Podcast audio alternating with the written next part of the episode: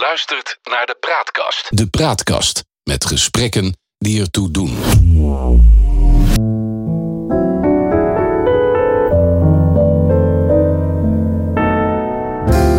Welkom bij het Geheugenpaleis. Mijn naam is John Knerim en samen met Han van der Horst maken we deze podcast. De geschiedenis die herhaalt zich nooit, maar rijmen doet hij vaak wel. En in het Geheugenpaleis gebruiken we dat gegeven om dieper in te gaan op de actualiteit.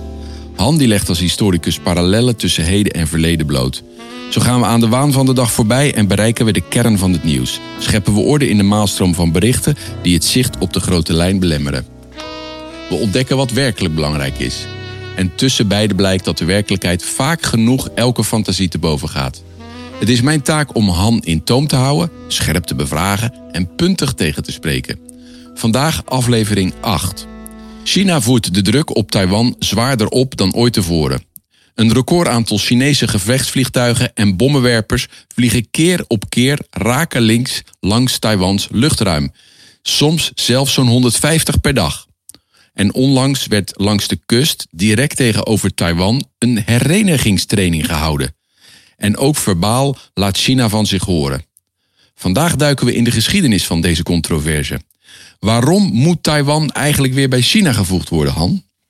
Omdat het uh, beschouwd wordt uh, door de regering in Peking als een uh, opstandige provincie. aan de andere kant is ook de meest recente provincie van China. De Nederlanders hebben er eerder de macht uitgeoefend dan de Chinezen. Daar sta je verbaasd van, hè? Ja, dat was zeker in een heel ver verleden. Dat was in de Gouden Eeuw, in de tijd van de Verenigde Oost-Indische Compagnie. Uh, Taiwan was een eiland voor de kust waar niemand eigenlijk veel belangstelling voor had, behalve de oorspronkelijke bewoners. Die hadden ook etnisch niks met uh, Chinezen te maken.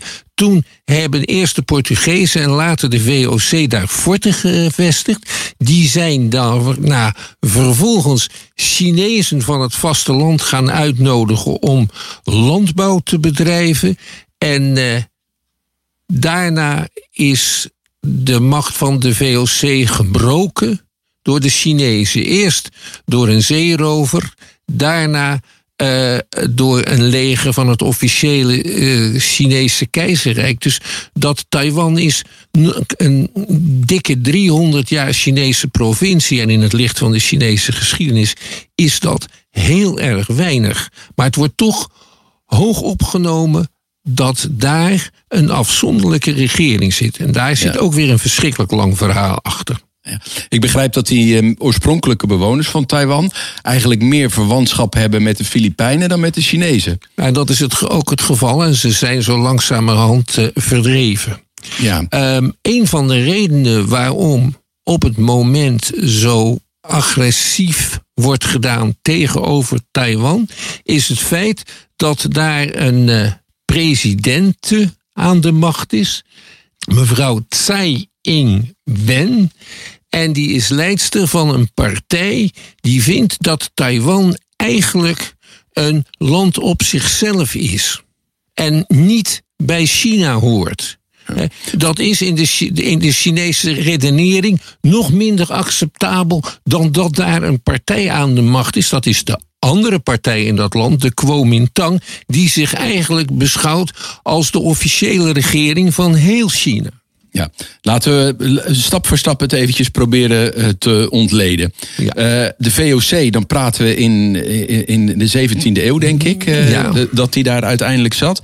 Uh, daarna kwam, zeg maar, die Ming-dynastie. Um, de Qing-dynastie. De Qing-dynastie.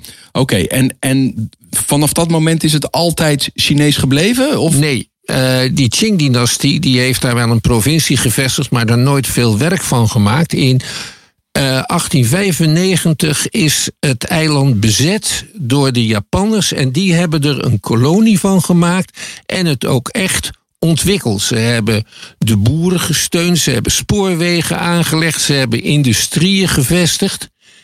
En in 1945, na de nederlaag van Japan, keerde China daar weer terug. Ja, dus je zou eigenlijk kunnen zeggen dat dit ook nog steeds een rechtstreeks gevolg is van de Tweede Wereldoorlog. Ja. Want het had zo ook maar kunnen zijn dat dit tot Japan had blijven uh, behoren. Als de Tweede Wereldoorlog, of beter gezegd de Japans-Chinese oorlog, niet gevoerd was wel. En die Japans-Chinese oorlog die is eigenlijk al in 1937 of volgens anderen weer in 1931 begonnen. Ja, maar goed, na de Tweede Wereldoorlog uh, wordt dan gezegd: Taiwan hoort weer bij China. Ja. Uh, maar dat betekent nog niet dat het afgescheiden is. Want we hadden na de Tweede Wereldoorlog volgens mij een strijd in China zelf, een burgeroorlog, tussen aan de ene kant de communisten en aan de andere kant de wat meer uh, ja, de, de, de rechtse uh, mensen, de Kuomintang tegen de communistische partij. Moet ik dat zo zien? Uh, dat is een manier om het uit te leggen. Kuomintang betekent volkspartij. Die partij is destijds in de jaren 20 van de vorige eeuw al georganiseerd volgens het model van communistische partijen. En ehm, de leider van die partij was een, eh, een, ja, ik zeg maar, conservatief denkende militair. Die aan de andere kant ook christen was. En die heette Chiang Kai-shek. En hij heeft die burgeroorlog in zoverre verloren dat hij zich met 1 miljoen soldaten in 1949 moest terugtrekken op het eiland Taiwan, waar hij de Chinese Republiek heeft voortgezet. Het was een uh, scherpe, heel onaangename dictatuur die hij daar gevestigd had. En hij kreeg daarbij de steun van de Verenigde Staten, omdat hij een vijand was van de communisten. De Verenigde Staten hebben pas in 1971 uh, het communistische regime in uh, Peking erkend. Nederland heeft dat overigens al in 1949 gedaan, maar de Verenigde Staten was daar heel hardnekkig in. En daarom had Chiang Kai-shek ook een permanente zetel in de Verenigde Naties. Want China had recht op een permanente zetel in de Verenigde Naties. Die is in 1971 afgenomen. En een van de dingen die China niet zal accepteren, het China in Peking zeg maar, is dat andere landen Taiwan, althans de regering op Taiwan, dat ze die dat andere landen die diplomatiek erkennen. Dat betekent bittere vijandschap. Er is dan ook nauwelijks een land dat de onafhankelijkheid van Taiwan, officiële naam nog steeds Republiek China, erkennen. Nederland heeft er ook alleen maar een bureau van het ministerie van Economische Zaken. En dat geldt voor alle andere landen van de wereld. En uh, de vertegenwoordigers van Taiwan die mogen ook niet op diplomatieke bijeenkomsten komen en zo, anders komt er gelijk ellende met China. Ja, dus eigenlijk uh, is dan uh, die burgeroorlog, die was al voor de Tweede Wereldoorlog begonnen. Ze hebben ja. vervolgens in de Tweede Wereldoorlog gezamenlijk tegen Japan gevochten, de Kuomintang en de Communistische Partij. Maar dan na de Tweede Wereldoorlog weet uh, Mao uiteindelijk Chiang Kai-shek te verslaan. Uh, uh, met een groter leger dan Chiang Kai-shek. Chiang Kai-shek die vlucht dan naar Taiwan.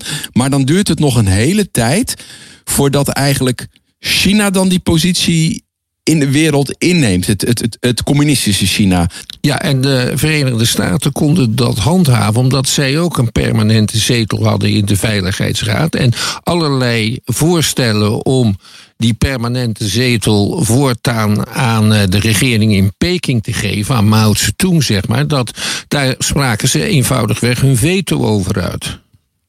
Oké, okay, maar wat is er dan gebeurd in 1971 dat die flip gemaakt was? Had dat te maken met het bezoek van Nixon ja. aan, uh, aan China? En zijn minister van Buitenlandse Zaken, Henry Kissinger. Uh, dat was iemand die vond dat je realistische politiek moest bedrijven in het nationaal belang. En hij meende dat het in het belang van de machtspositie van de Verenigde Staten was om niet langer Chiang Kai-shek te erkennen als vertegenwoordiger van het Chinese volk, maar om Mao Zedong te nemen. Had hij ook nodig in verband met zijn Vietnampolitiek. Kissinger probeerde ook de Amerikanen uit het moeras van Vietnam weg te halen. Dus vandaar dat dat toen gebeurde. Ja. vanaf dat moment is, is China zich eigenlijk gaan ontwikkelen als, als, als wereldmacht.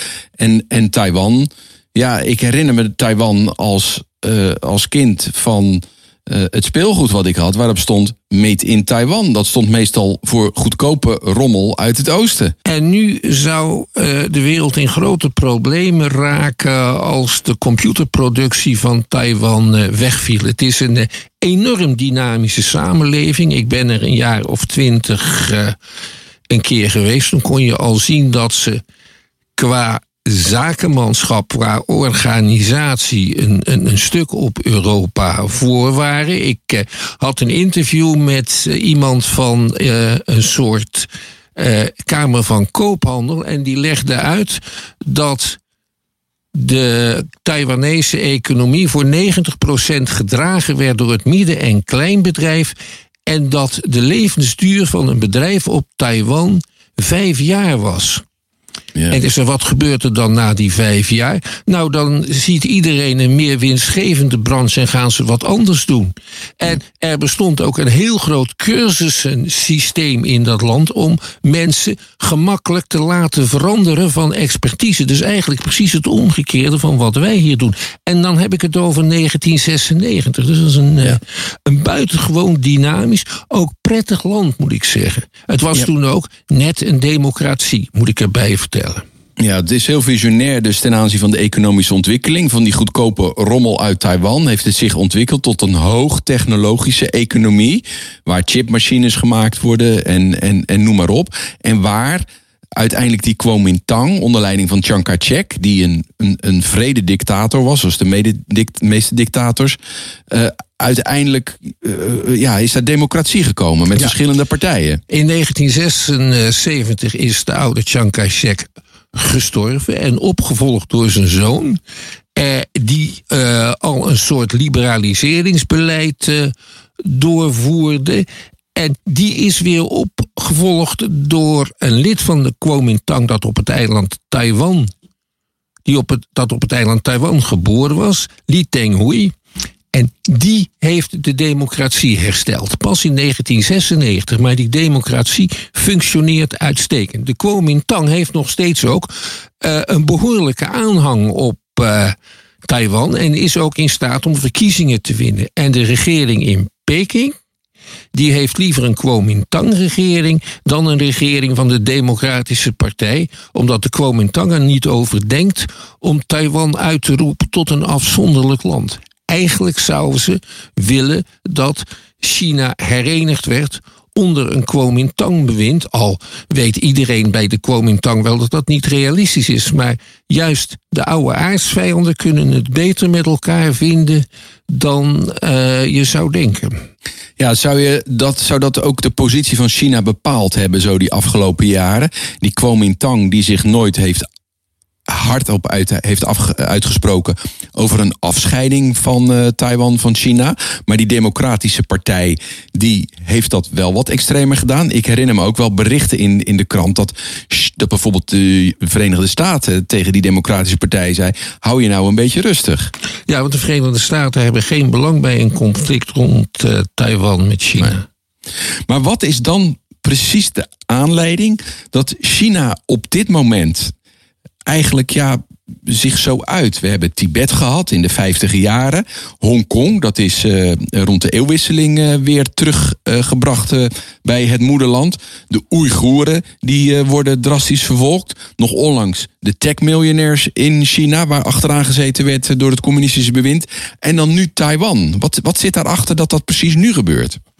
Om te beginnen laat China zich niet meer piepelen. Het is in de periode zeg maar 1830 tot 1950 constant gepiepeld en vernederd door de buitenlandse machten. Dat overkomt ze niet meer. En ze hebben nu ook de kracht om daar tegen op te treden. Dat, uh, dat is punt 1.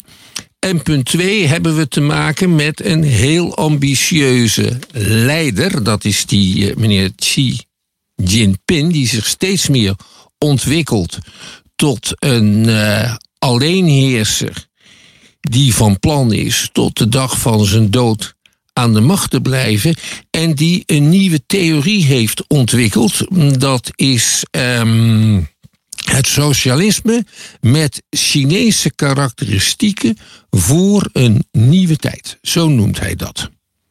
En, en wat betekent dat?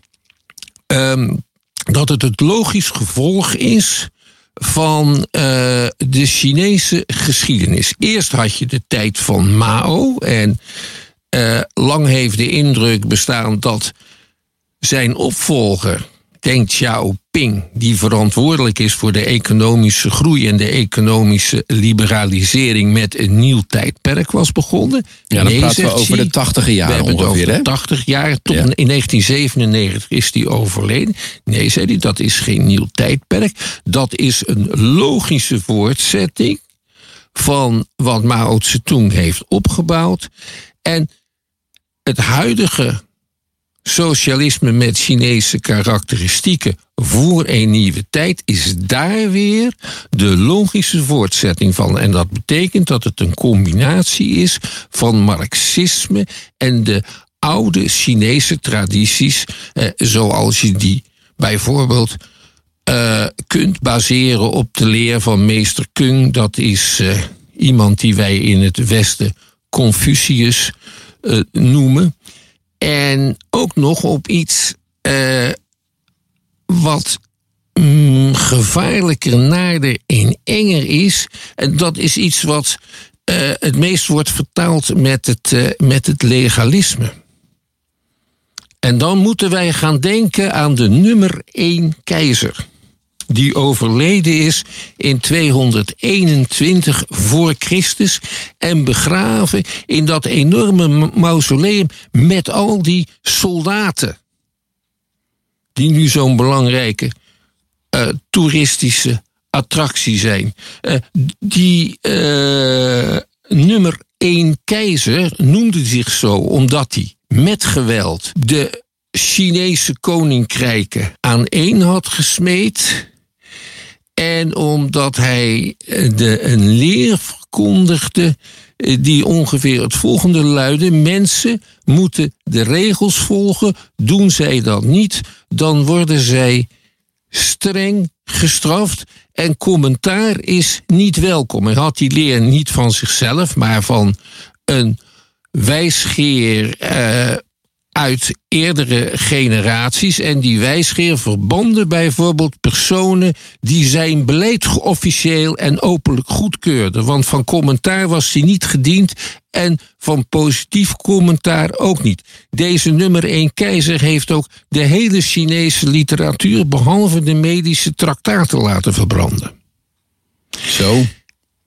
En die manier van besturen is altijd bewaard gebleven op radicalere of minder radicale wijze. En die laat zich ook mengen met de leer van meester Koen. En daar hoort bij de gedachte dat als iedereen maar zijn plaats weet in de wereld, dan heerst er harmonie en geluk. En dan kun je van de hooggeplaatste ook welwillendheid verwachten. Dat laat zich wel met, met dat houd je aan de regels uh, combineren. En dat zien wij nu in uh, het soort bewind dat Xi uh, voert. En dat is niet mals. detail. Li Yundi, de beroemde pianist, mag, klassieke pianist, ja. mag niet meer spelen, want hij heeft een escort meisje laat komen. En het was niet de eerste keer. En er zijn ook allerlei Chinese popsterren die zijn van het podium verwijderd omdat ze drugs zouden hebben gebruikt.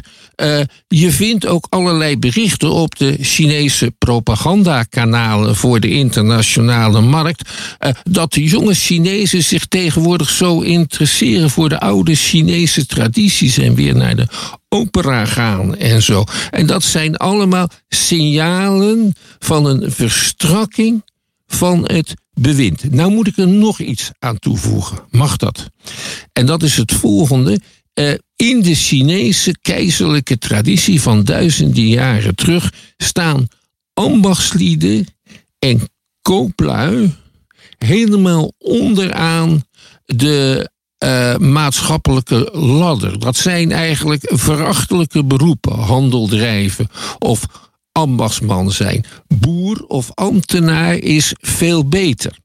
Chiang Kai-shek, ondanks het feit dat hij door de Amerikanen gesteund werd, die had een soort geleide economie.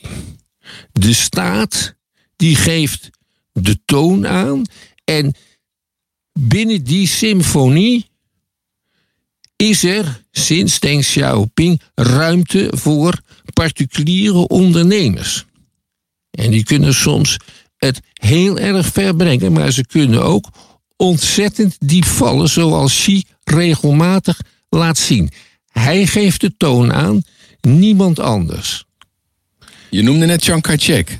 Ja, van de Volkspartij op Taiwan, de anticommunist en de tegenstander. Uh, maar die was toch voor een geleide economie. Ja. Maar dat wil niet zeggen dat, uh, dat in die geleide economie van Chiang Kai-shek geen ruimte was voor particuliere ondernemers. Hij was getrouwd met de dochter van uh, een van de eerste grote moderne Chinese miljonairs, meneer Soong. Het is eigenlijk wel heel bijzonder dat, dat eigenlijk het systeem zoals dat nu in China wordt gehanteerd, economisch gezien, dat eigenlijk is zoals Chiang Kai-shek dat dan bedacht had, met een sterke overheid, maar wel ruimte voor particulier initiatief. Um, dat dat is wat Deng Xiaoping zeg maar, naar China heeft gebracht, wat door de leiders daarna hem is uh, zeg maar, vervolmaakt. En tegelijkertijd zie je nu dat bij, bij Xi dat hij zich eigenlijk weer baseert op het verre verleden van het legalisme, waar die zegt van ja, eh, het individu moet ondergeschikt worden aan het collectief en men moet volgen wat ik hier voorschrijf. Dus eigenlijk die hele dynastische cultuur vanuit eeuwen terug, dat zit eigenlijk nog steeds in China ja, vastgeklonken. Dat maakt onderdeel uit van de cultuur, zeg je eigenlijk. Hij is de logische consequentie van duizenden jaren geschiedenis. En hij vindt zijn leer zoveel, eh, zo belangrijk eh, dat hij vanaf dit jaar ook als apart schoolvak wordt gedoseerd. De boeken die hij geschreven heeft worden apart uh, zeg maar, uh, onderwezen. ja, dat zijn meestal bundels redenvoeringen enzovoorts. Die worden ook in allerlei talen vertaald en over de hele wereld verspreid. Uh, dat lijkt allemaal erg op het soort persoonsverheerlijking zoals je onder Mao had. Aan de andere kant. Uh, de Chinezen hebben wat te vieren hè, deze dagen. Want het is 50 jaar geleden dat ze tot de Verenigde Naties werden toegelaten. En die zetel in de Veiligheidsraad kregen. En daar heeft Xi een toespraak over gehouden op een speciale bijeenkomst. En als je dat dan weer leest, dan ja, Willem-Alexander had dat op dezelfde manier kunnen doen. Over de harmonie, over de samenwerking van de volkeren, over regeren in het belang van het volk, over eerbied voor moeder aarde. Ja, maar je, je doet suggereren dat hij er niks van meent. Uh, nou, ik denk dat hij er uh, wel wat van meent. Aan de andere kant is hij zelf een tellig uit een uh, familie die al in de tijd van uh, Mao Zedong hoge posities innam in de communistische partij. Dus uh, ja, hij leeft in een bubbel van krankzinnige luxe, net zoals de keizers vroeger met een harem in een, uh, in een prachtig paleis leefden. Maar ik denk toch wel dat dit is wat hij zou willen. En hij duldt geen tegenspraak. En hij treedt buitensporig hard op tegen mensen die hem dwars zitten of die een eigen verhaal vertellen. Wordt dat ook gebruikt voor interne politieke, in, in, inlandse of binnenlandse politieke uh, overwegingen. Omdat er, zijn best problemen in China met de economie. We hebben een groot vastgoedconcern wat uh, bijna op omvallen staat. Uh, heeft het daar ook mee te maken? Ja, want het is weer een wat ander verhaal. Een van de oplossingen die men nu verzonnen heeft om uh, de vastgoedcrisis te bezweren, dat is het plan van Klaas Knot men gaat in China daadwerkelijk experimenteren met een vermogensbelasting op vastgoed, zowel voor particulieren als voor bedrijven. En de verdediging is, daardoor wordt de worden de prijsstijgingen gematigd en uiteindelijk zal de middenklasse daarvan profiteren. Exact het verhaal van Klaas Knot. Dat zijn natuurlijk allemaal geen prettige mededelingen. En je kunt voor je fatsoen als Chinees politicus het ook niet maken om te zeggen van dat Taiwan, dat laten wij maar zitten.